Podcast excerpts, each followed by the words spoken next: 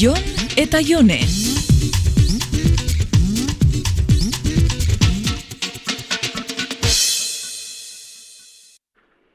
Kaixo, June, zelan? Egunon, Eh, Arraro egiten zaigo izan goizo txeitea. ez da ingoiz, zelan. Ondo, hemen txe, ordenagailuaren aurrean. E, zu gero lagunduko ez tazu lagun batendako erregalo bat erosten? Bale, ze ordutan. Ba, arratzaldeko lehengo partian izan beako da, niko ikastolatik urten aurretik eh, lauretan? Hmm, bale, bea, gero arte ba.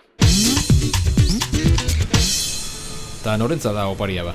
Ba, haitxan lagun erretirau batendako. Guarda forestala izandakoa da eta lanian hasi nitzanean ba, asko lagundu zestan. Aha. Ta zeo ze pentsatu duzu edo. Ah, Ba, egisa esan ez. A ber, e, libururen bat, ez dakit, e, atxagaren nebadako egunak.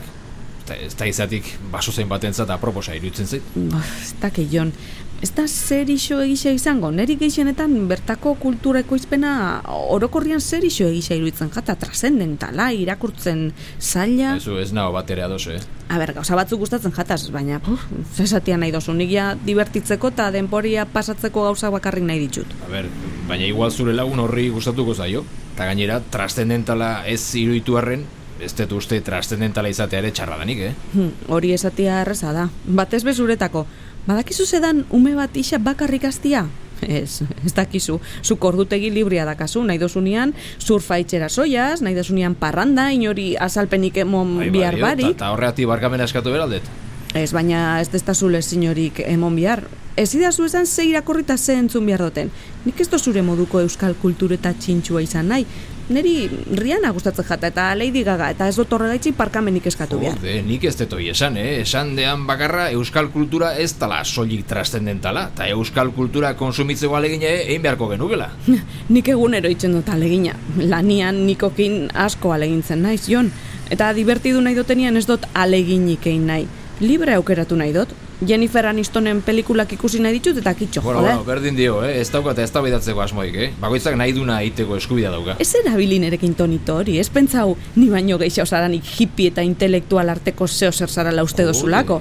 Eta bai, klaro, Filipinetan palmera baten azpixan potro jorran erreza daolan liburuak irakurri eta euskal saletasuna zausnartzia. Kete den, Jon. Baina, baina, nozoaz? Ez dakit, banoia.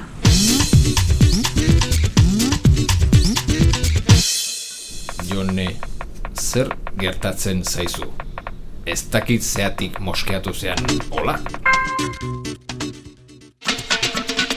Kaixo, Jon. Jone, ez, ez dakit, eh, ez dakit ze pasa den, baina ez dut uste inbesterako zanik ez? Ja, barkatu.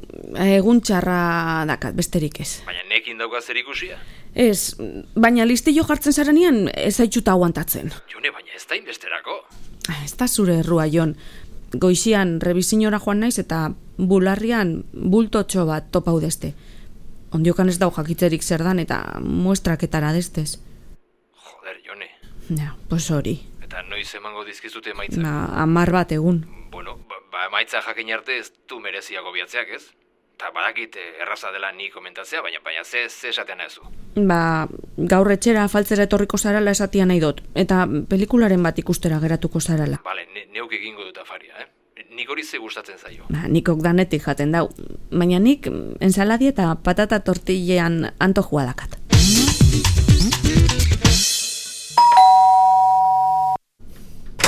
Ikusi, Zer da hori? e, Jennifer Aniston esan dezulen ez da? Ba, beira, hementxe, Friends txailesaleko DVD bilduma osoa. Baina Jon, Ez dut zure DVD-aren artean sekula ikusi, beraz pentsatu dut, ba, ez daukazula. ez ez dakat. Jo, eskerrik asko Jon. Ez, eh, eskarrik asko ez, pikito, pikito. Mm, Ta beste hau ere ekarri dut, eh? Gaur gauerako propio erosi dudan diskoa. baina Maria Karei, honekin ja pasau inzara. Jon eta Jone.